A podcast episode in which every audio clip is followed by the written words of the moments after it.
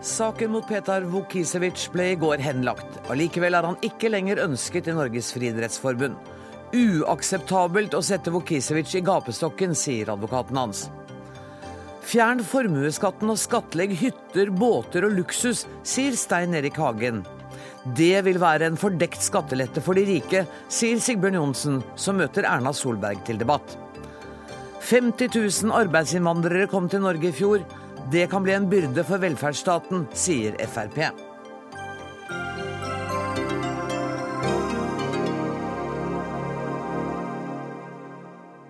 Dette er noe av Dagsnytt 18-menyen denne tirsdagen, der vi også skal møte mannen som mener hunder er like miljøfiendtlige som biler. Men altså først. Dopingsaken mot Petar Vukisevic ble i går henlagt fordi den var foreldet. Allikevel er han ikke lenger ønsket i Norges friidrettsforbund. Det hele startet med at Dagbladet avslørte at Vukisevic skulle ha sendt noen e-poster til en venn i Serbia, hvor han forhørte seg om doping. Påtalenemnda som har vurdert saken, har ikke funnet bevis for at e-postene var manipulerte. Vidar Strømme, advokat for Petar Vukisevic. Hvordan tar din klient eh, dette vedtaket? Han er ikke her i dag fordi at uh, han tar det tungt. Dette var etter min oppfatning og et annens oppfatning det verste som kunne skje. En henleggelse kombinert med en litt uklar beskjed om at vi tror ikke på deg. Mm. Fordi at det var det som kom i pressemeldingen fra påtalenemnda? Vel, Det som også er uheldig, er at dette har kommet i, i, i flere forskjellige versjoner. Først i en nokså nøktern pressemelding. Så i et møte mellom eh, Antidoping Norge og Friidrettsforbundet, eh, før vi, altså Peter og, og, meg, hadde møte. Og vi fikk da inntrykk av at eh, så å si, mer og mer informasjon var gitt underveis. I hvilken grad er hans rettssikkerhet ivaretatt i denne saken, slik du ser det? Er, det er ikke ivaretatt, rett og slett, slik jeg ser det. Det er ingen måte å overprøve dette på. Eh, Nokså um, uklare påstander, egentlig, bortsett fra at, at vi, han ikke tros, da. Vukisevic har hevdet at disse e-postene må ha vært manipulert, fordi at det ikke er han som har sendt dem. Eh, hadde det vært lettere for ham å leve med bare en henleggelse, uten kommentarene i etterkant? Det hadde helt klart vært lettere. Det, hadde det vært som en frifinnelse? Eh, det hadde vært mer som en frifinnelse, ja. Anstein Engedal, du er leder av påtalenemnda i Antidoping Norge. Og du er den som har sagt at dere ikke har funnet bevis for at disse e-postene er manipulert, slik Vukicevic har, har hevdet. Ser du at dere da fortsetter å mistenke mannen? Jeg ser at, eh, at, man stiller spørsmålstegn ved Vukisevic pga. de mailene som er sendt.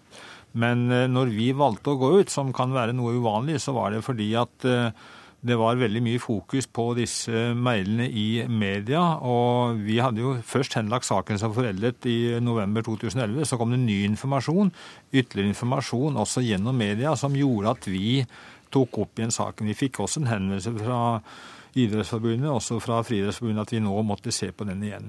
Også, og det gjorde vi, og vi fant at det var eh, viktig for oss å komme til bunns i, forsøke å komme til bunns i eh, innholdet i disse mailene. For etter vår oppfatning så skriver, eh, beskriver disse mailene Eh, eh, altså dopingmetoder.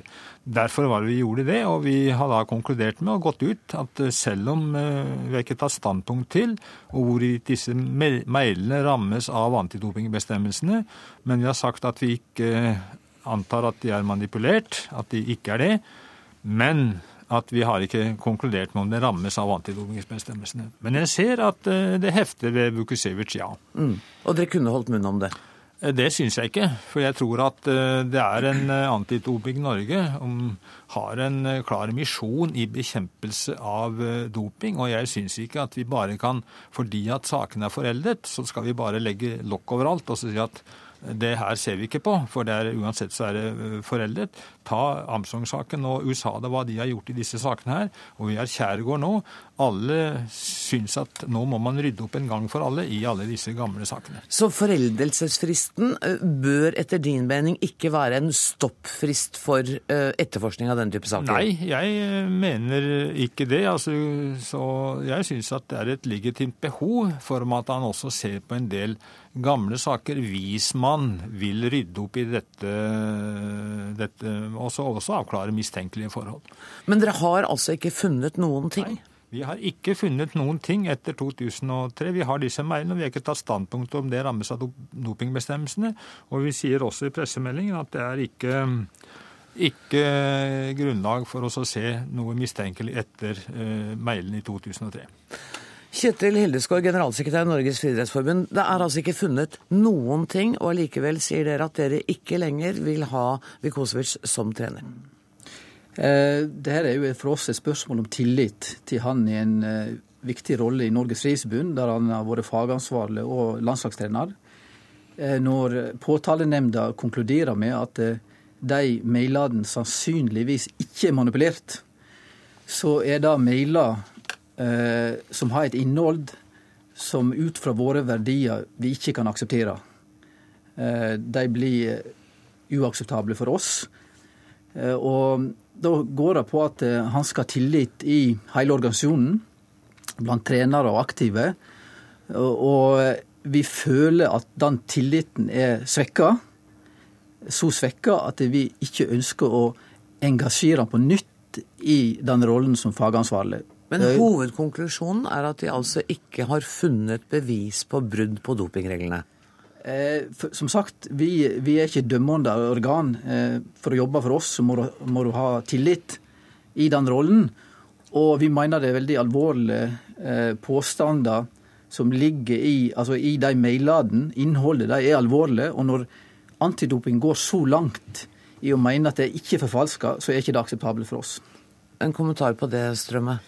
Det er veldig uklart for meg hva Antidoping Norge legger til grunn. Eh, det antas, sies det, og i pressemeldingen står det at det ikke er holdepunkter for at det er manipulert. Jeg vil tro at det er akkurat lite, like, like lite holdepunkter for at det er manipulert. Så dette er for meg ikke noe harde fakta, det er spekulasjoner som går utover Petar, slik Hilde skal naturlig beskrive. For han må ha tillit, og den er nå ødelagt.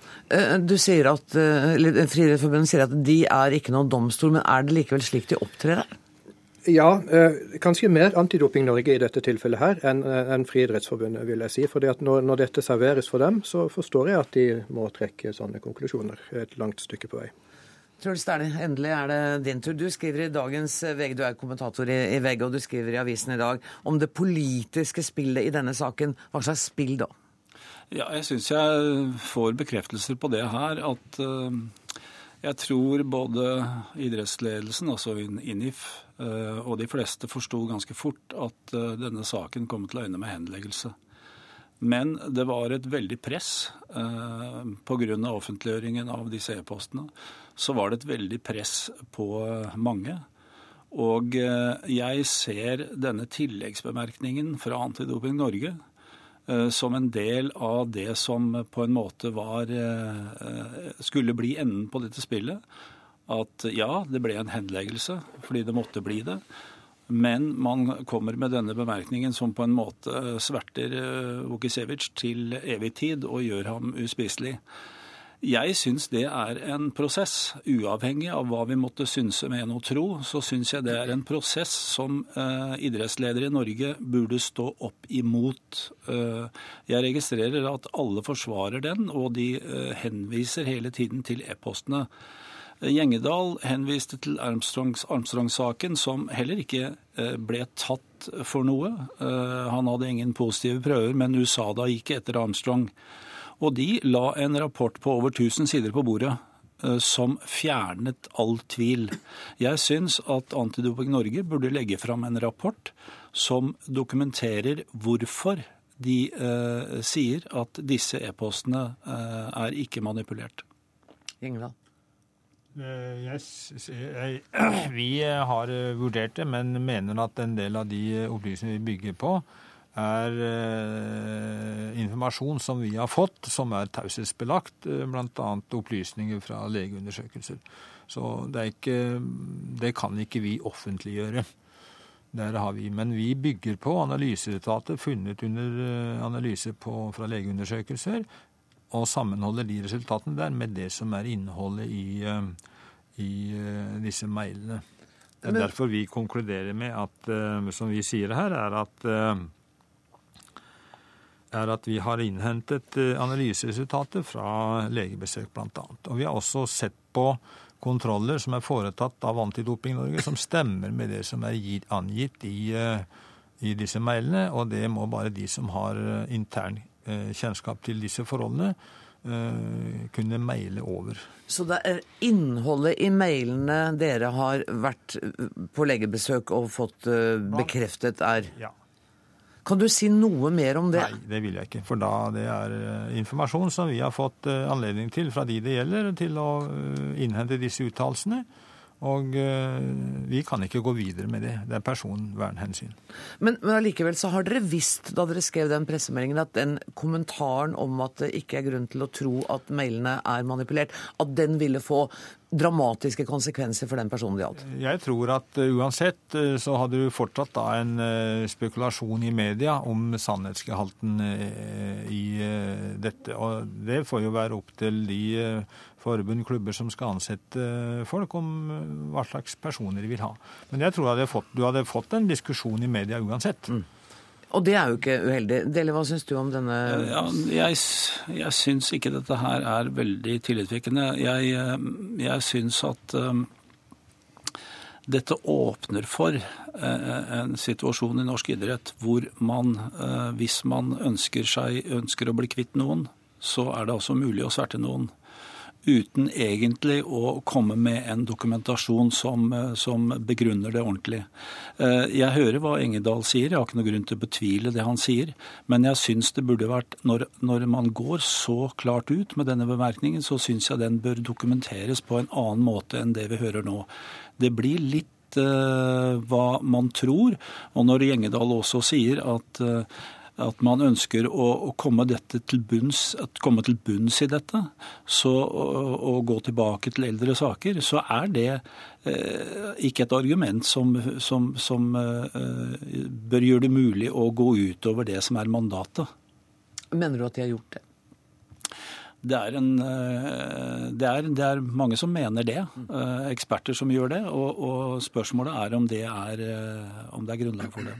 Vil du også kritisere Dagbladet for i sin tid å ha offentliggjort disse, disse e-postene? Nei, det gjør jeg ikke. Og det, det er bra at disse e-postene kom til Altså at de kom til offentligheten. Absolutt. Men, eh, men, igjen, altså det er en prosess hvor regler skal følges. Og jeg syns at uh, denne tilleggsbemerkningen uh, er oppsiktsvekkende i, i den forstand.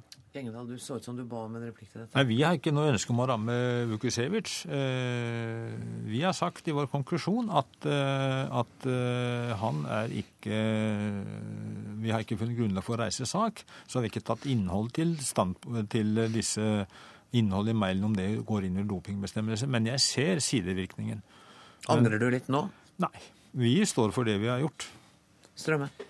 Eh, ja, eh, disse, jeg skal ikke diskutere innholdet i disse e-postene, men bare bemerke at eh, selv etter Gjengedals argument, så er det jo fortsatt et spørsmål om hvem som har skrevet dem. Mm. Jeg tror nok det vil vise seg at dette har vært en feil måte å gjøre det på. Gjengedal vil nemlig, eh, og det hører jeg her også, føle et behov for å begrunne litt hvorfor de har gjort dette. Og Da kom det noen sånne små tendenser til et blodprøve her osv.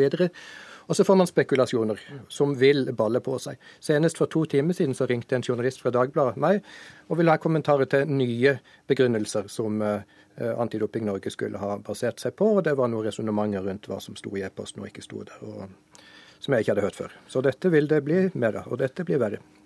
Engdahl? Ja, jeg vil bare tilføye at alt det vi har sagt, det har vi dekning for i den pressemeldingen som er sendt ut, hvis man leser det. Eh, Strømmen, du sa at det som er trist, er at det finnes ikke noen ankemulighet. Så egentlig er det punktum for saken. Men det virker jo ikke som det er noe punktum i denne saken. Eh, vi jurister har lite i verktøykassen i eh, idrettens verden. Eh, det til dels eh, har vært et litt lovtomt rom. Eh, debatten vil nok fortsette, jeg tror jeg. håper at det kommer noe godt ut av det for Petar sin del. Mm.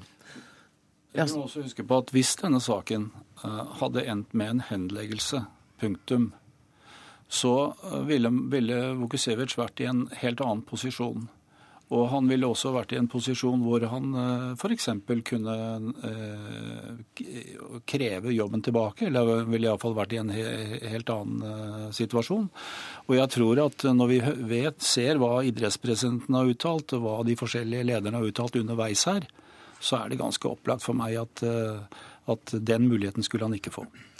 Hildesgaard.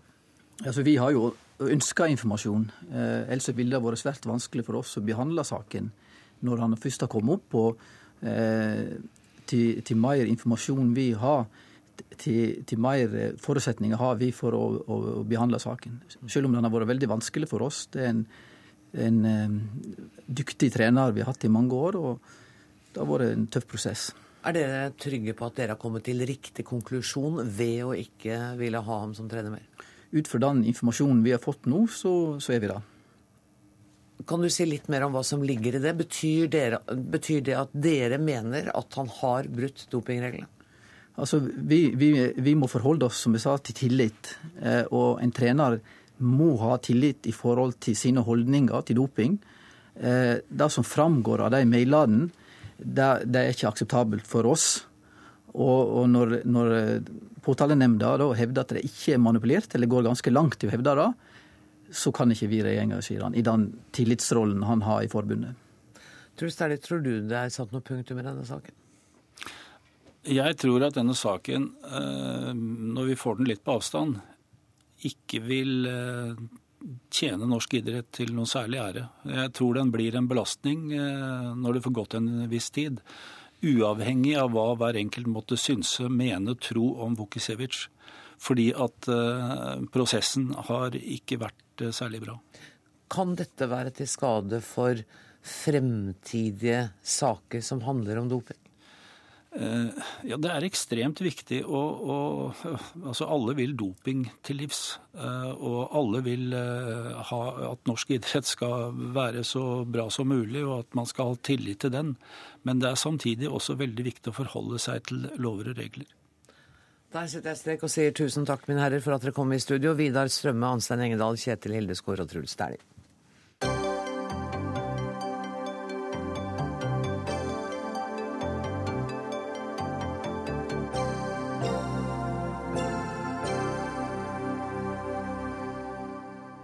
Finansminister, du kan sette deg akkurat hvor du vil. Inn i studio kommer finansminister Sigbjørn Johnsen og leder av Høyre Erna Solberg, for det skal dreie seg om skatt. Skatt på luksus, som f.eks. store hus, dyre biler, er bedre enn formuesskatten slik vi kjenner den. Samtidig som det, et sånt forslag vil ikke gi rike nullskattytere. Det mener en av Norges rikeste menn, Stein Erik Hagen. Finansminister Sigbjørn Johnsen, eh, du er dypt uenig, registrerte jeg i dag? Det er helt riktig. Hvorfor det? Jo, for dette her er først og fremst et uh, gedigent skatteletteforslag. Uh, hvis en gjennomfører det som Hagen foreslår, så betyr det at uh, eh, 95 omtrent av formuesskatten blir borte. Og Det er en eh, enorm skattelettelse for de aller rikeste i Norge. Og For øvrig så er det jo slik i dag at det er formuesskatt på hus, hytter og bil og båt i dag. Så, men det er først og fremst en eh, stor skattelettegave til de aller rikeste. Eh, hvor stor er statens inntekter av formuesskatten i dag? Om lag 15 milliarder. Er du helt sikker på For i det regnestykket jeg så, så sa du at heretter, hvis han fikk det som han vil, Steinar Hagen, så ville det bare bli 14 milliarder. Men da hadde jo ikke du regna inn den skatten som da ville komme på toppen for luksusartikler som biler og båter og hytter. Unnskyld, det ville jo være avhengig av å høy skatt en skulle legge på det, men eh, jeg har ikke sjans til å komme i nærheten av de 14 eh, milliarder som blir borte fra formuesskatten ved Stein Erik Hagens forslag. Så, og som sagt, det er faktisk formuesskatt på hus, hytter og biler i dag, så dette er først og fremst en enorm skattelette til de aller rikeste. og Derfor så er det et usosialt forslag, og et forslag som øker urettferdigheten i Norge. Erna Solberg, dere er ikke like raske med å forkaste ideen? Altså, eh, Vi ser på ulike modeller for å sikre oss at fordi vi ønsker å fjerne formuesskatten. Vi ønsker å ta vekk en skatt som bidrar til at norske arbeidsplasser eid av nordmenn blir betydelig, eh, har en større skattebyrde enn hvis utlendinger eier det. Vi mener at det er så mange skadevirkninger med formuesskatten i seg selv at det er viktig å finne andre måter å sikre at alle bidrar på, enn å bruke formuesskatten sånn som den er innrettet i dag. Så eh, er Hagen et forslag. Vi ser på mange andre typer forslag av, av den typen for å kunne, for å kunne kunne se på det. Men jeg syns vi underslår det faktumet at når Arbeiderpartiet hele tiden snakker, så snakker de som om formuesskatten er noe bare de rike betaler. Men det er altså 652 000 mennesker som betaler formuesskatt i Norge. Det er ikke 652 000 mange milliardærer i Norge, eller de som de liker å tegne det bildet av. De fleste som betaler formuesskatt, er enten personer som eier litt et hus og en hytte og en bil, har litt penger i banken. Og der er det jo sånn at OECD har funnet ut at vi betaler 113 skatt på på avkastningen av penger som står i banken. Altså, Hvis du er kommet i formuesskatteposisjon, ja, så tjener du ikke penger på å pengene står i banken. Det andre elementet med dette, ja, så er det faktisk sånn at uh, veldig mange små og mellomstore bedrifter opplever dette som en skatt som er skadelig for deres evne til å investere i nye, ja, uh, nye maskiner, investere i kunnskap og kompetanse for de ansatte, investere i forskning og utvikling. at når eierne er norske, så må de betale mer skatt, de må hente ut penger. Og det syns jeg er rart at Arbeiderpartiet ikke tar inn over seg. For det er jo sånn at man har mer enn doblet inntektene fra formuesskatten i løpet av den rød-grønne perioden. Og hovedtyngden av det er hevet over på små og mellomstore bedrifter. Han Har doblet den statlige altså inntekten? Ja. Inntektene er doblet. Da vi gikk av eh, i 2005, så var det 7 milliarder kroner som var inntektene fra formuesskatten. Og det har man gjort ved at man har skjerpet en del skatteregler som gjør at norske bedrifter betaler mer. Det kan da ikke ha vært meningen, finansminister? Det som har vært meningen, er å styrke fordelingen gjennom formuesskatten. Og det som har skjedd siden 2005, er at eh, formuesskatten fordeles på en mye mer rettferdig måte enn da Høyre satt i regjeringskontorene fram til 2005. Og det interessante er at eh, i dag så er det en halv million skattytere færre som betaler formuesskatt enn da Høyre, satt, da Høyre gikk ut av regjeringskontorene i, i 2005. Vi har forbedret formuesskatten, gjort den eh, mer rettferdig. Og vi skal fortsette å forbedre formuesskatten. Og det at vi faktisk har økt bunnfradragene så mye som vi har gjort, har òg kommet både pensjonister og, og, eiere av bedrifter til gode. og Det mener jeg er en riktig retning. for uh, I Norge så har vi et prinsipp om at oppslutningen om skattesystemet blir størst mulig hvis folk flest føler at byrdene er rettferdig fordelt. Derfor er det helt uaktuelt for denne regjeringa å fjerne formuesskatten. Og Det interessante er jo at Høyre tatt et lite hvileskjær nå. og er litt vage i hva de skal erstatte fordelingseffekten med. De står fast på at formuesskatten skal fjernes, men jeg venter i spenning på neste trekk. Det er ikke sikkert du behøver vente så lenge. Vær så god. Nei, vi får se. Men jeg har lyst til å si at, Og vi er ikke der enda, nei. Jo, nei. Vi har sagt vi skal fortelle hva vi har tenkt å gjøre neste stortingsperiode med formuesskatten, og hvordan vi har tenkt å innrette dette for å få for fordelingshensynene med, med, samtidig som vi gjør at norske bedrifter faktisk blir mer solide, mer robuste, kan, at norsk eierskap beholdes nært norske bedrifter. Det er en norsk verdi, etter min mening, at du som eier er tett på dine ansatte. Men det er sånn at med det systemet som Arbeiderpartiet har lagt opp til nå de siste siste syv-åtte årene, ja, så honorerer man kvartalskapitalismen og ikke det langsiktige nære, arbeid, nære eh, eierskapet. Det syns vi er feil. Når Arbeiderpartiet sier at de har forbedret formuesskatten, nei. De har altså belastet norske små og mellomstore bedrifter mer. De har tatt vekk noen luftehull som var tidligere, eh, og som har overlevd i mange år, fordi man så at det var nødvendig for å stimulere eh, til at ikke de bedriftene som hadde f.eks. tredje generasjon, mange, mange i familien som var eiere, at en vanlig lærer skulle oppleve det som nå faktisk 21 000 eiere av norske bedrifter gjør, nemlig at de må betale formuesskatt selv om bedriften går med underskudd. Så får lov ta ett eksempel på dette. At en sånn tradisjonsrik bedrift som, som Gudbrandsdalen Ullvare, de måtte altså eierne ta opp lån på sine egne hus på 700 000 kroner for å kunne betale formuesskatten. Det var 10 000 kroner per arbeidsplass, og den bedriften hadde altså ikke mulighet til å ta de pengene ut av bedriften for å betale det, for den gikk ikke så godt. Tilsvarte en sum som gjorde at de kunne kjøpt seg en ny vevemaskin. Det er det som er realitetene bak dette jeg mener er litt floskelpreget fra venstresiden i Norge om å si at dette er en skatt på de rike. Det er ikke 652 000 mangemilliardærer i Norge. Det er faktisk betydelig mengde av de som betaler formuesskatt, som er helt vanlige mennesker, men som eier og produserer i norske bedrifter. Jeg, jeg reiser rundt i Norge og besøker mange bedrifter. Eh, og noe av det som er budskapet til meg, er at eh, det viktigste for eh, Gudbrandsdal ullvarefabrikk og mange andre bedrifter i Norge, er at vi holder orden i økonomien. At vi har en trygg og forutsigbar økonomisk politikk. Det er grunnlaget. Så kommer de òg inn på formuesskatten, men det er det de først eh, forteller meg. Hold orden i økonomien, finansminister. Det er den beste rammebetingelsen. Og så syns jeg egentlig at vi skal gå litt ut i virkeligheten og se hva som skjer i norsk økonomi. Siden 2005 330 000, 340 000 nye jobber, to av tre i privat sektor. Vi har en vekst i år på om lag 3% mens eh, landene rundt oss er tilnærmet lik null. Så Det betyr at eh, med formuesskatten slik som den er i dag, så er det en god produksjonskraft i Norge. Vi skilles ut i eh, europeisk sammenheng. Det er gode økonomiske betingelser for produksjon i Norge. Så det viktigste Erna Solberg nå bør avklare, er hva slags økonomisk politikk en eventuell Frp-Høyre-regjering vil føre. Og nå tror jeg, ikke bare tror, men nå mener jeg at det er på tide at den avklarer forholdet til handlingsregelen, til en forutsigbar økonomisk politikk som gjør at eh, Gudbrandsdalen ullvarefabrikk og alle de andre kan eh, se eh, framtida mest mulig trygt i møte. Men Mener du at hun ikke har et eneste poeng når hun kommer med eksempler som f.eks. Gudbrandsdalen ullvarefabrikk, når folk må ta opp lån for å holde liv i, i bedriften sin fordi det er en formuesskatt på toppen? Kan du ikke bare innrømme at det er et jo, poeng? Vi har, vi har jo sagt at det er svakheter med formuesskatten. og Derfor så har jo vi eh, økt bunnfradraget f.eks. fra 150 000 til 870 000 for enslige, og fra 150 000 til 1740 eh, 1,74 millioner for ektepar. Det gjør òg at mange melloms, mindre bedrifter òg faktisk har fått lettelser i formuesskatten. Ja, det er svakheter med formuesskatten, men det er mange andre ting som avgjør rammebetingelsene for produksjon i Norge. Formuesskatten er én ting, men det er mange andre ting som gjør at bedrifter kan produsere og skape verdier i Norge, som det er viktig å ha med seg i den diskusjonen. Den økonomiske politikken er faktisk det aller viktigste. Og det er formuesskatten vi diskuterer i dag. Men du fikk altså en bitte liten innrømmelse her fra finansministeren, Erna Solberg? Ja, det er fint, for det er viktig å huske på at det er mer enn de gode tallene som skiller oss i internasjonale statistikker. Det er faktisk sånn at Norge har en todeling av økonomien. Jeg er bekymret for investeringsnivået vi har i de mer tradisjonelle industriene. Det er mange bedrifter som har hatt det gående lenge, men som ser ut som de ligger veldig sårbart an nå. Og Den todelingen hører jeg at regjeringen innimellom sier at dette er viktig, dette er, er bekymringsfullt. Men de gjør ingenting for den, og formuesskatten er en av de tingene som kommer inn. Oljerelatert virksomhet går så det griner i Norge. Mm. Men vi er nødt til å tenke på hvordan vekstevnen i Norge skal være fremover, og da er formuesskatten et av de elementene.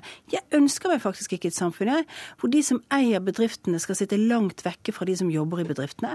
Det tror jeg vil gjøre oss mer sårbart i fremtidige vanskelige omstillingsperioder. Jeg tenker at når eieren sitter i det samme idrettsdagsstyret som de ansatte, og som fagforeningslederen kanskje gjør, ja, så skaper det en solidaritet som gjør at Norge blir sterkere. Og det er vel ikke der uenigheten mellom dere går jo, heller? Men, Sigbjørn Johnsen ikke ha eiere som sitter langt unna i andre for, land? Formuesskatten betyr at folk må selge til noen andre. Mm. Det betyr at utenlandsk eierskap blir billigere enn norsk eierskap. Og det betyr at for å realisere penger, så må du ta inn andre som skal være med på å eie. Derfor er det veldig mange f.eks. familieeide hoteller rundt omkring i Norge som faktisk primært er ute for salg for tiden. For blant formuesskatten bidrar til at det er tungt nå, å være nasjonal eier. Nå tror jeg Erna Solberg begynner å blande kort her. For det at, ja, det er en del hoteller som nå har eh, utfordringer. Formuesskatten kan være ett bidrag, men det er først og fremst situasjonen ute i Europa. Den økonomiske utviklingen som gjør at det kommer færre turister. Kostnadsnivået i Norge. Det er mange andre ting som er viktig for bedrifter. Så, eh, og, og, det er jo slik at uh, En dramatiserer veldig mye når en sier at uh, formuesskatten gjør at norske eiere forlater altså i hopetall norske bedrifter. Det er jo ikke slik. Eh, eiere kommer til å sitte der, og de kommer til å sitte nært opp på bedriften sin i framtida. For det er mange andre ting enn formuesskatten. Men det interessante er jo for så vidt at eh, Høyre òg nå har innrømt at formuesskatten har en fordelingsvirkning. og Derfor sier de at de vil ikke fjerne formuesskatten lenger, selv om det er det som er det prinsipielle synet, før de har noe som kommer i stedet for.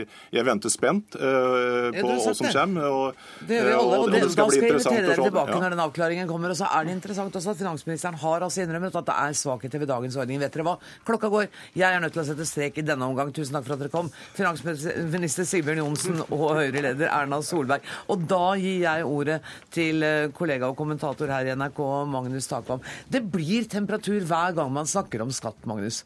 Det er en real diskusjon, og jeg tror begge parter er, eh, liker det. For det er klare og rene konfliktlinjer. Høyre står på ett bein i skattedebatten, Arbeiderpartiet på et annet. Men når finansministeren gjentatte ganger sier at han nå må Høyre avklare sitt forhold til dette, har han et poeng der? Har de somla med å si hva de mener om uh, formuesskatten, og i så fall hvorfor det?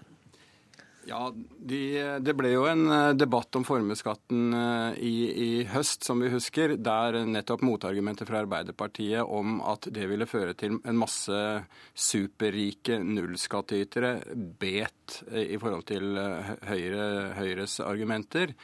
Og dermed så har Høyre signalisert at de vil prøve å, å skal vi si, eh, lappe på det, eller å finne en modell som gjør at eh, ingen blir nullskattytere på den måten. Eh, og jeg tror nok også at eh, skal vi si, det ikke er pga. formuesskatten at Høyre eh, går høyt på meningsmålingene for tiden. Det er ikke, du tror ikke det? Det er ikke en sak de vil vinne et valg på? Det er ikke det som er, er det, store, det, store, temaet ute, ute, hos folk flest. Så jeg tror, tror nok eh, det er riktig at de har tonet saken ned, og nå prøver de en skal vi si, runder med de andre ikke-sosialistiske partiene for å se om disse kan komme fram til en, et eller annet slags minste felles multiplum uh, på den såkalt borgerlige siden om, om, dette temaet. Og da tyder veldig mye på, tror jeg, da, at det vil bli en mer moderat utgave enn å fullstendig fjerne formuesskatten. Fordi KrF f.eks. har har eh, et forslag som går ut på å fjerne formuesskatten for såkalt arbeidende kapital, altså den formuen som er driftsmidler, traktoren, lastebilen, maskinen osv. i bedriften, og ikke den private formuen. Og i og for seg kan man da si at da vil de superrike med masse penger også måtte betale formuesskatt. Så det er i hvert fall en mulig utgang på dette. Vil Høyre måtte Vil man måtte avklare spørsmålet om formuesskatt sånn at f.eks. Kristelig Folkeparti er enig med dem før Høyre kan gå ut og si hva de mener, eller kan de gjøre det litt på egen kjøl, så å si? Det vil vel stå sterkere, i hvert fall sett fra Høyres side, hvis de klarer å avklare dette. Men uh, dette er jo ikke det eneste punktet i forhold til skattedebatten på den ikke-sosialistiske siden, vil, det vil leve interne spenninger der. Fremskrittspartiet har jo, som vi vet, mye mer radikale skatteforslag enn det Høyre har. Og skal Frp ha noe å drive med i valgkampen, så vil ikke de skal vi si, legge vekk sin primærpolitikk før valget. Så vi vil helt sikkert oppleve at det vil være et tema fortsatt. Hvilken skattepolitikk skal vi egentlig regne med hvis de borgerlige vinner valget? FrPs eller Høyres? Og det er vel rimelig klart at uh, Stein Erik Hagens forslag uh, kommer vel ikke til å være den aktuelle politikken ved dette valget? Neppe, men det viser vel kanskje at også Stein Erik Hagen og andre av disse såkalte superrike ser at Eh, det ikke er helt enkelt å lage et system som gjør at han og andre betaler ingenting i skatt. Og det sier han også at det vil han ikke. Han vil betale skatt, men han vil at innretningen skal være annerledes. Det er et legitimt ønske også for en mangemilliardær. Ja, han, han vil eh, tydeligvis bestemme skattepolitikken, og det, det, må han jo få lov til å, å prøve på. Men eh, jeg tviler på om, eh, om, heller ikke altså Jeg tror heller ikke at Erna Solberg adopterer hans politikk fullt ut. Det hørtes ikke riktig sånn ut i kveld. Tusen takk for at du kom, Magnus Takvam, politisk kommentator her i NRK.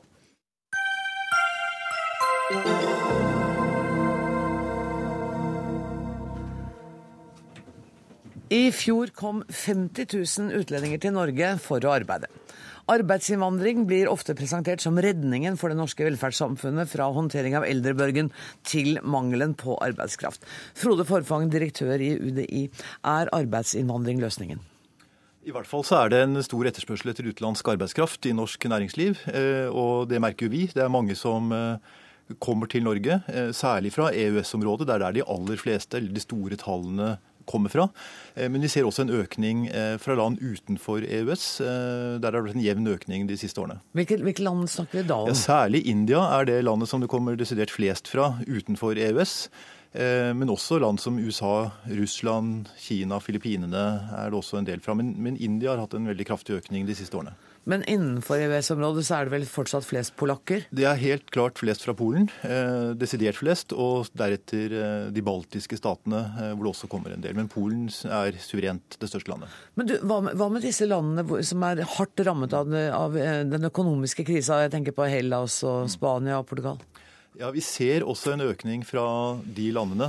Men, altså det er en økning, men det er fra et i utgangspunktet veldig lavt nivå. Slik at noe i nærheten av Polen og Baltikum er de ganske langt unna.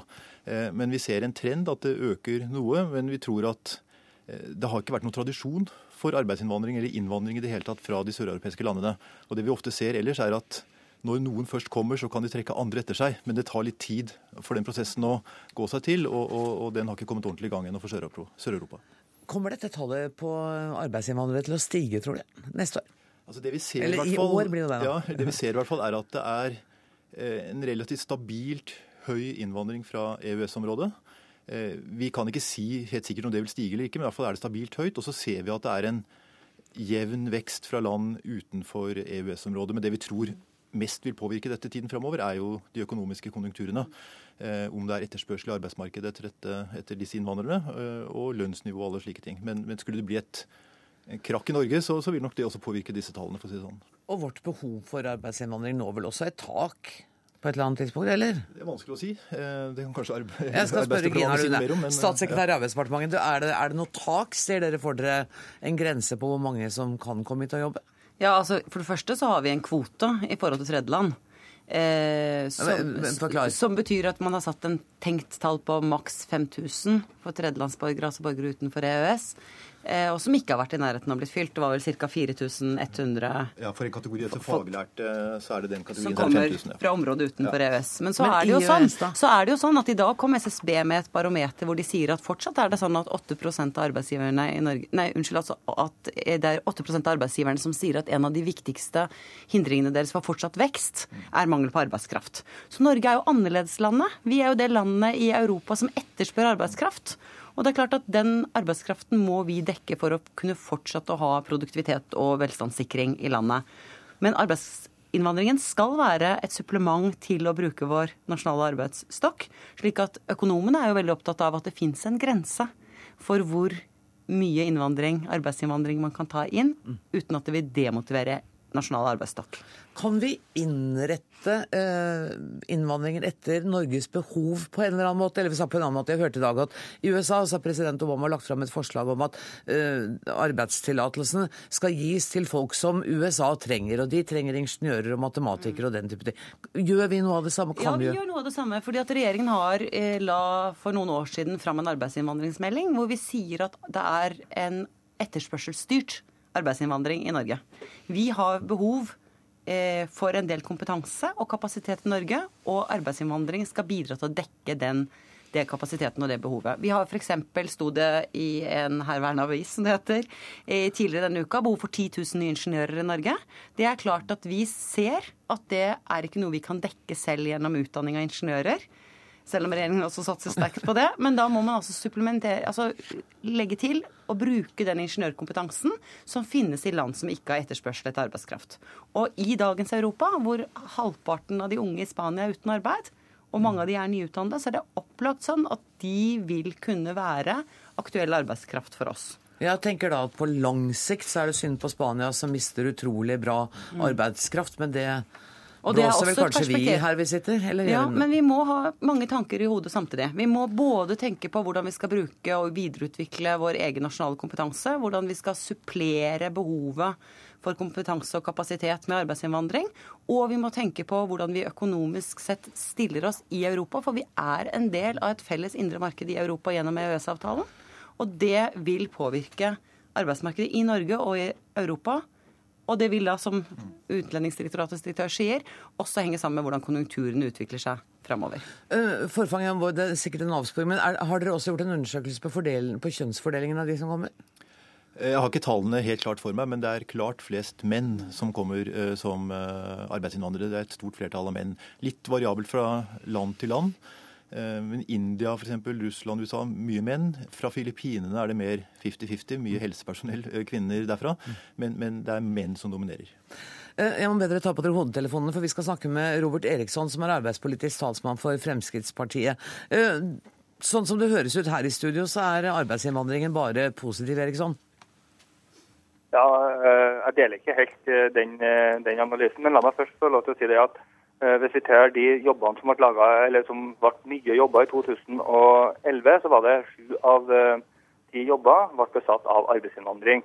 Sånn at På kort sikt så har det norsk næringslivet behov for økt arbeidskraft, og vi vil også ha i framtida behov for arbeidsinnvandring.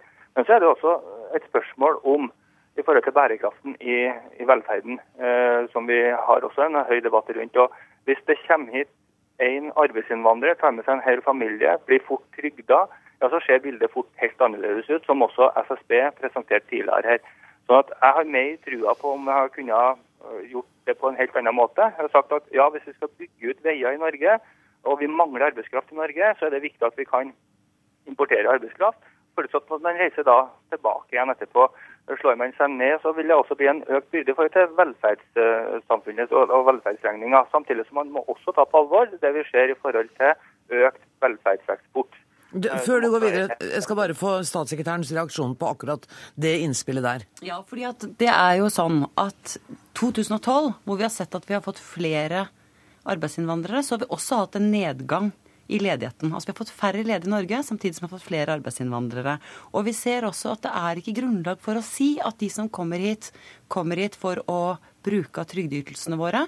De som kommer hit, den viktigste enkeltårsaken til at mennesker kommer til Norge som innvandrere, er at de skal arbeide her. Og, de faktisk, og, vi, tre, og vi trenger dem. Så er regjeringa opptatt av at når det gjelder bruken av trygder og bærekraften i velferdssamfunnet vårt, så har vi igjen dette med å holde to tanker i hodet samtidig. Vi må sikre at vi kan ha grunnlag for fortsatt å få nok arbeidskraft og sikre velstanden i Norge gjennom å ha produktivitet og et bærekraftig arbeidsliv. Og på den andre siden så må vi sikre at de som kommer hit, ikke blir overforbrukere av ytelser. Mm, nettopp. Er du beroliget da, Eriksson? Nei, jeg er ikke det. fordi at uh, Vi ser jo både SSB sin rapport, vi ser hva som har skjedd i Danmark. og hva og, Danmark bereiste jo denne debatten allerede i 2006 og så også den negative sida av økt arbeidsinnvandring, hvis man ikke så det helhetlige bildet. Og Fremskrittspartiet er opptatt av at vi må se helheten, og vi må tenke langsiktig, ikke bare kortsiktig. Og så tenker jeg som så at ja, arbeidsledigheten går ned, men så ser vi at ungdom på uføretrygd går opp. Vi ser at stadig flere havner over på arbeidsavklaringspenger. Det er også en ubenytta arbeidsevne som vi trenger å kvalifisere i langt større grad inn til det norske arbeidslivet. Vi kan heller ikke komme i en situasjon der man på kort sikt bytter ut den eh, norsk ungdom med billig arbeidskraft fra utlandet fordi at de er lett tilgjengelige. Her må vi også holde fanen mye høyere i forhold til å kvalifisere egen arbeidskraft. Ellers så vil man ikke ha den bærekraften i velferdssamfunnet framover. Ja, og det er jo derfor regjeringa har satt i gang et stort arbeid for å sikre større innsats for mennesker med nedsatt arbeidsevne og fornya ungdomsgarantiene. Jeg vil ikke si at Fremskrittspartiet har vært i spiss for å styrke innsatsen. I 2012, mens ledigheten sank, det ble skapt rekordmange nye arbeidsplasser i det norske arbeidslivet, så så vi også at gruppa mennesker med nedsatt arbeidsevne sank. Så jeg tror at det som er viktig her, det er om man må finne balansen hvor man må satse på å få motivert og eh, kvalifisert ungdom slik at de bidrar, og det skal stilles krav til ungdom om at de skal bidra i arbeidslivet. Da må, Eriksen, da må Eriksen få svare. Oh, ja. Ja, men, men altså, Jeg registrerer at regjeringa sier at man har økt innsatsen. Men virkemidlene til regjeringa, verktøyene og verktøykassa som regjeringa er så opptatt av, de virker ikke. fordi at antall ungdom på uføretrygd går opp. Antall på arbeidsavklaringspenger går opp. Antall funksjonshemmede i arbeidslivet går ned. Så den medisinen og de tiltakene som regjeringa viser til, den virker ikke. Så hjemme. Og det skrives ut ny medisin, bedre tiltak, en mer helhetlig inkluderingspolitikk for å få et bedre inkluderende arbeidsliv. Og ikke bare det, men vi må ha en ny debatt i Dagsnytt 18 om nettopp det spørsmålet, tror jeg statssekretær Gina Lund og Robert Eriksson, og jeg inviterer dere hermed til en ny runde en annen dag. Det er ikke noen kortvarig diskusjon. det tror jeg på. Tusen takk for at dere kom, Frode Forfang, Gina Lund og altså Robert Eriksson, som var med oss på telefonen.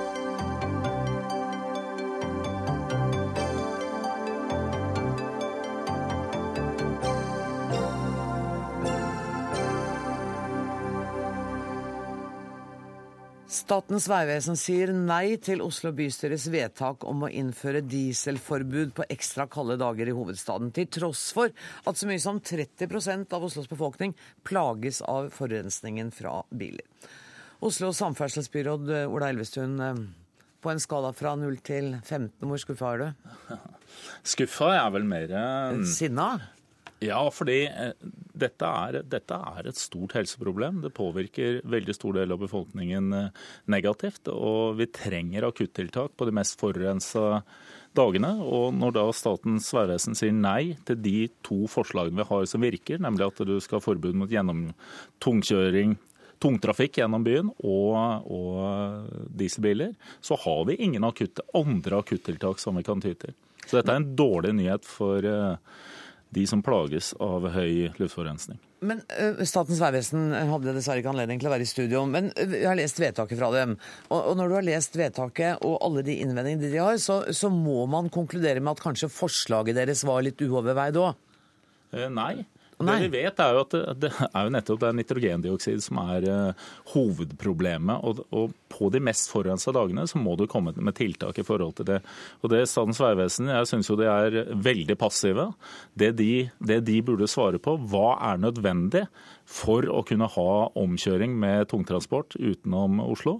Og hva er nødvendig for å ha gode nok eh, informasjonstiltak for å ha forbud mot dieselbiler på disse få dagene? Og det er viktig å si det, at dette dreier seg kun om enkelte dager. Altså så, 2010. Så langt, så langt, i år vil det ikke ha inntruffet noen ganger. Nei. Og den informasjonsarbeidet, den, dette jobber jo også vi med. Vi har satt opp vårt eget system og kommer selvfølgelig til å drive et omfattende informasjonsarbeid på disse dagene. Men vi trenger å få lov til å gjennomføre tiltak. Men, men ser du helt bort, altså De viser jo til i vedtaket sitt at det vil være uh, ulyk, ulykkesfaktoren vil gå noe opp, ikke mye riktignok. 18 dager uh, med tiltak. det vil være vært tilsvarende forurensningsepisoder i 2010. Det vil gi et for transportnæringa vil de gi et tidstap på over en time, og beregnet kjøretidskostnader vil øke med 28 millioner kroner. Ja, Som må veies opp mot helseeffekten til de astmatikere og personer med luftveisinfeksjoner som er i Oslo. Og Det som også, hvis du ser på forskningen, er jo at det er de høye konsentrasjonene av forurensning som er det mest skadelige, og ikke altså den lavere konsentrasjonen over tid. Så dette er et dette er et problem, og vi trenger å gjennomføre tiltak. Og så skal vi selvfølgelig jobbe med de langsiktige tiltakene, som handler om å redusere utslippene av nitrogendioksid over tid. Og der det, har vi definitivt en rekke med, med, tiltak som jeg allerede er i gang med. Nå er du liksom i debatt med meg, men jeg bare siterte Statens vegvesen her, jeg, jeg, bare siden de ikke var her. Statssekretær i Samferdselsdepartementet Geir Pollestad. Hva skal man gjøre da, da, når Statens vegvesen sier at nei, disse strakstiltakene vil vi ikke støtte, og noe må jo gjøres? Ja, Nå har eh, Statens vegvesen bare fulgt opp noe som Samferdselsdepartementet eh, alt i oktober varsla at vi ønskte, eh, nemlig at vi mente at et forbud var et altfor dramatisk inngrep for de som har dieselbil.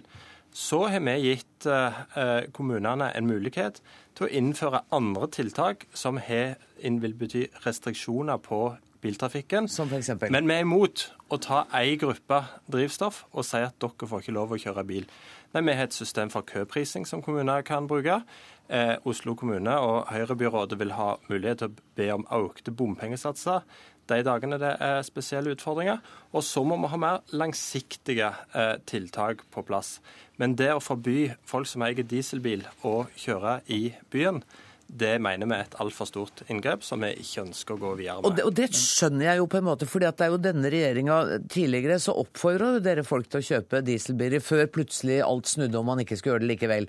Eh, så, det er, så mange mennesker har jo kjøpt dieselbiler fordi man er blitt oppfordret til det av sittende regjering, for da skulle man være miljøvennlig. Ja, det vært, eh, var i 2007 et bredt politisk flertall for å legge om eh, avgiftene for å få ned CO2-utslippene. En politikk som har vært svært vellykka. Eh, men vi har også sett det at i 2012 så innførte vi en NOx-komponent i bilavgiftene, som har gitt noe reduksjon i antall dieselbiler. Men det er ingen grunn til å gjemme seg for den endringen som en gjorde i 2007. Det var en riktig og klok beslutning. Det var en helt feil beslutning, for det fører virkelig Det er den eneste årsaken til at vi nå har problemer med for mye luftforurensning i Oslo, er den avgiftsomleggingen i 2007. Før det så var ikke nitrogendioksid et problem i det hele tatt. Dette er det ene og alene den rød-grønne regjeringa som har ført oss oppi. Og det du sier i forhold til andre tiltak, så er det jo ikke noe grunn til å sette i gang tiltak som ikke virker. Det å øke bomringen på disse dagene gir ingen effekt. Det å sette i gang med datokjøring gir ikke noe effekt. Det, det eneste som gir effekt, er det som går på det som er årsaken. Årsaken er diesel, og da må du sette begrensninger på dieselkjøretøy. Det er ikke noen grunn til å sette noen begrensning på noe andre enn de. Nå føler jeg at uh, Høyrebyrådet uh, her uh, sier at en vil ha alle andre tiltak enn de en får lov til å gjennomføre. Det som vil være viktig hvis en innfører tiltak som reduserer biltrafikken som helhet, er jo at du får vekk køene. Det vil ha svært positiv effekt i forhold til denne type utslipp. Dette er virkemiddel som vi har åpna for, men regjeringa og Senterpartiet mener at å innføre forbud mot dieselbiler i byen er et uforholdsmessig inngrep. Det vil være svært vanskelig. Eh, altså Statens vegvesen har jo redegjort godt for dette. Tungbiltrafikken som må velge andre veier ja, forbi Oslo. Alle detaljene, og alt dette. Men, vent, vent, litt, vi er nødt til å vise litt høflighet. Vi har administrerende direktør i NAF, Stig Sjøstad her også. Hvordan, hvordan reagerer du på dette? Jeg går ut fra at dere er fornøyd med at det ikke blir noe av dette forbudet? La meg først si at I NAF så er vi veldig opptatt av at folk skal forflytte seg miljøvennlig. og Vi er også opptatt av disse utslippsutfordringene som er. Og så er det en balanse mellom, mellom, global oppvarming og lokal forurensning. Og nå snakker vi lokal forurensning. Eh, dette er en klok beslutning eh, som gir endelig noen klare signaler til de som har en, har en dieselbil i dag. Og, og, det er på høy tid. La oss nå heller begynne å bruke energien på de langsiktige tiltakene som, som kan gjøres. Og så vil jeg bare påpeke også til Elvestuen at, at Oslo kommune Eh, altså I 2011 påpekte selv gjennom en, en utredning de gjorde, at det å innføre dieselforbud ikke er et tiltak som gir dokumentert effekt i forhold til den problemstillingen vi er oppe i. Så, mener, så, det er ikke noen dokumentert effekt på luftkvaliteten for de da, 30 000 menneskene som er dypt plaga av dette? her, De vil ikke merke noe bedring? Dieselforbud som tiltak har ingen dokumentert effekt av vesentlig karakter overfor eh, det problemstillingen vi snakker om. Det vi må snakke om, er de lange tiltakene som handler om altså innfartsparkeringer, bedre kollektivtransport, tilrettelegging for folk i hverdagen. Eh, som langsiktige tiltak. Og så kan jeg nevne et annet eksempel. og Det er altså eksempelvis eh, å plugge båtene over på landstrøm. er også et effektivt tiltak for å ta ned utslippene. Vi har tall fra Bergen. hvor altså Hvis man flytter der båtene over på landstrøm når de ligger til kai, så representerer det en reduksjon tilsvarende 250 000 personbiler i en by som har 100 000 biler. Men, vi tar, vi, kan vi ta én ting av gangen, Elvesund? For da kan vi ikke først ta dette påstanden om at det vil ikke hjelpe. Det gjør det. Det som er dieselbiler, det representerer omtrent 20% av nitrogenutslippene i Oslo. og det er klart, Tar du den, den delen ut av, av, eh, kjøringen i byen, så gir det en reell effekt på reduksjonen. Nå har jeg ikke saken med meg, jeg tror det er en reduksjon på 10-12% som ligger inne. Tungtransport er en størrelse på litt over 30% Og så er det én kategori du ikke tar tak i med disse akuttforslagene, og det er, det er varetransporten internt i Oslo. Derfor jobber vi også med det som er grønn varetransport, et samarbeid med næringslivet for å få flere nullutslippskjøretøy også inn i den, eh, den eh, varetransporten. Men du var med landstrøm til eh, båter som gikk til kaia? Venstre i Oslo, og det er Venstre byråd som gjør ja. dette. Vi har en rekke tiltak. Landstrøm det har vi allerede innført på Hjortene, så vi har nettopp lagt fram en egen plan for innføring av landstrøm til de andre ferjene. Vi er den best tilrettelagte byen i verden for nullutslippskjøretøy. Vi vedtok for to uker siden å kjøpe 1000 nye elbiler, elbiler for å ta i bruk fra byens egen side. Jeg har selv lagt fram forslag om å stille eh, miljøkrav til drosjenæringa. Vi har en styrking av kollektivtrafikken, og vi gjennomfører en egen oljefri-kampanje for å fjerne oljefyrer i byen fram mot 2020. Vi ligger helt i front på dette. Der fikk vi hele smørbrødlista. Jeg har veldig kort tid igjen, og da må jeg gi statssekretæren det siste året, tror jeg. For... Ja, og Det jeg syns er veldig spesielt i dette, det er hvor lite Høyrebyrådet og Elvestuen her er bekymra for hva dette vil bety for Nå er vel medlem av Venstre. Du er medlem av Venstre, men et Høyrebyråd.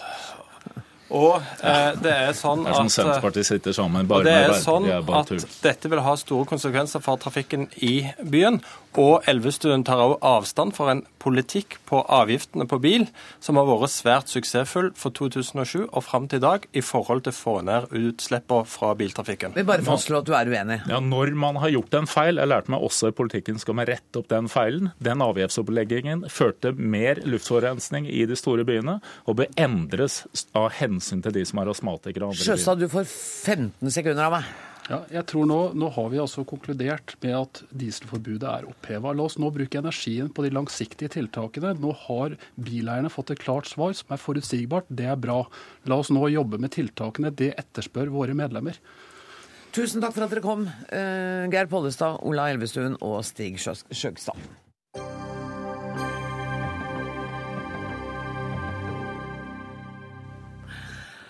Våre firbeinte venner er miljøsvin i bånn, som setter poteavtrykk i klima. Det skriver du, kommentator i Aftenposten og forfatter av boka 'Kjøttfrie dager', Yngve Ekern. Eh, jeg måtte smile da jeg leste den lille saken din i dag. Eh, hvorfor karakteriserer du menneskets beste venn som et miljøsvin? Ja, Nå er det ikke min mening å sparke til koselige bikkjer, men jeg tror Men det er det du gjør? Ja, jeg tror vi lever i en tid hvor alle våre hverdagslige sysler bør eh, ses på i et miljøperspektiv. Og når det er et faktum at vi nordmenn går rundt med små svarte poser og plukker hundebæsj til verdi av flere hundre millioner kroner, milliarder faktisk, så er det jo verdt å tenke på. Spørsmålet er altså hva vi fôrer bikkjene våre med. Og bikkjer spiser kjøtt. Og kjøtt er problematisk. Det er min påstand her. Så du mener at hvis, at uh, hvis jeg skal ha hund, så må jeg i hvert fall redusere mitt eget kjøttinntak? Ja, altså det industrielle kjøttholdet står for rundt 20% av klimautslippene. Dette ifølge FN. Så hvis du vil da ha enda en kjøtteter i familien, så bør du kanskje vurdere å kjøre buss. Det, det er et poeng, syns jeg. Men eh, det er jo veldig mye som kan sies om, om hundemat generelt. Det er 2,5 milliarder kroner det omsettes for, og det er mye penger om du sammenligner med TV-aksjonen eller hva som helst. Og summen blir mye høyere når du tar med veterinærutgifter og leker, og det betyr mye i en vanlig families eh, utgifter. Du refererer til eh, boka 'Time to Eat the Dog', eh, som er skrevet av to eh, arkitekter som, som jobber med bærekraftighet. Ja. Og de sier at de ønsker jo heller ikke at man skal spise bikkja si, men, men, de sier jo nettopp det poenget der. Og de oppfordrer oss også til å ha kyllinger eller griser eller dyr vi kan spise som kjæledyr. Eh, ja, det, å spise kjæledyret sitt er veldig spesielt. Det er kanskje Før gjorde man det med griser og sånn. Men det de påpeker i denne boka, her, er at en stor voksen hund spiser omtrent like mye kjøtt som et menneske. Eh, kanskje 150 gram per dag, og det vil vel bli ja, drøyt 50 kilo i året. Spiser en stor Og vi mennesker, spiser, eller her i Norge, spiser vi nå 75 kilo kjøtt i året. Det er en sterk økning de siste årene. Så det er verdt å tenke på. Men uh, å spise bikkja, det syns jeg er litt drøyt. Litt langt. Men, men, du sammenligner også uh, klimaavtrykkene fra hundehold med det å eie en ekstra SUV? Uh, ja, altså la oss si det sånn at for å altså, En kilo kjøtt tilsvarer et klimautslipp på, på linje med å kjøre fra Oslo til Sandefjord med en stor bil. Og da vil det jo si seg sjøl at du har fått en ekstra bil i familien hvis du anskaffer en stor hund. Men så har du mange positive sider det å ha hund, også i en økonomisk sammenheng. F.eks. det er helsegevinst i det. Gå tur, det er mye kos, det er psykisk eh, pleiende, det er veldig mye bra. Men det er verdt å tenke på. Eh, I dag så er det kommet en eh, rapport om endringer i kostholdet hos oss nordmenn. Og myndighetene har jo bedt oss redusere kjøttforbruket. Og i stedet så har vi altså økt. Vi har gått opp fra 74 kilo kjøtt per år til 75. Ja, det er på ett år.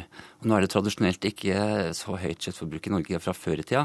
Men ved inngangen til dette årtusenet så spiste vi 63 kilo kjøtt per stykk i året. Og det har altså på kort tid økt til 75 det skjer samtidig som fiskeforbruket går ned. Ja. Til midt på 30 kilo-tallet. Hva kommer dette av? Har du noen teorier? Jeg tror at folk uh, syns det er veldig lettvint å steike seg kyllingfilet. Og nå er det nettopp uh, svin og kylling som er den store veksten her i kjøttforbruket. Og det er også produksjoner som er veldig tvilsomme når det kommer til dyrevelferd. Mm. Så dette er en statistikk som ikke er oppmuntrende, og jeg tror at eh, i fremtida så kommer dette til å bli et veldig stort miljøspørsmål, dette med kjøttforbruk. Men skal vi bare være litt optimistiske sånn helt på slutten av sendinga? For at altså, forbruket av grønnsaker har gått opp fra 72 til 74 kilo. Ja, veldig bra. Og samtidig så viser også uh, sukkerforbruket en viss nedgang. nedgang. Så det er ikke bare gærent de nye tallene, men uh, i et miljøperspektiv så er dette kjøttforbruket ikke ikke bærekraftig. Og så bare for å ha understreket, så ikke du skal få det kjempevanskelig i kveld på Twitter og alle andre steder. Du er ikke for å spise kjæledyr, og du er heller ikke imot at folk eier bikkje. Nei, og særlig ikke hvis det er små bikkjer. Sjøl har jeg en dverghamster. Tusen takk for at du kom til studio, Yngve Ekern. Denne utgaven av Dagsnytt 18 er over. Ansvarlig for sendinga var Siri Storsteinhytten. Det tekniske ansvaret har Finn Lie. Jeg heter Anne Grosvold. Takk for nå.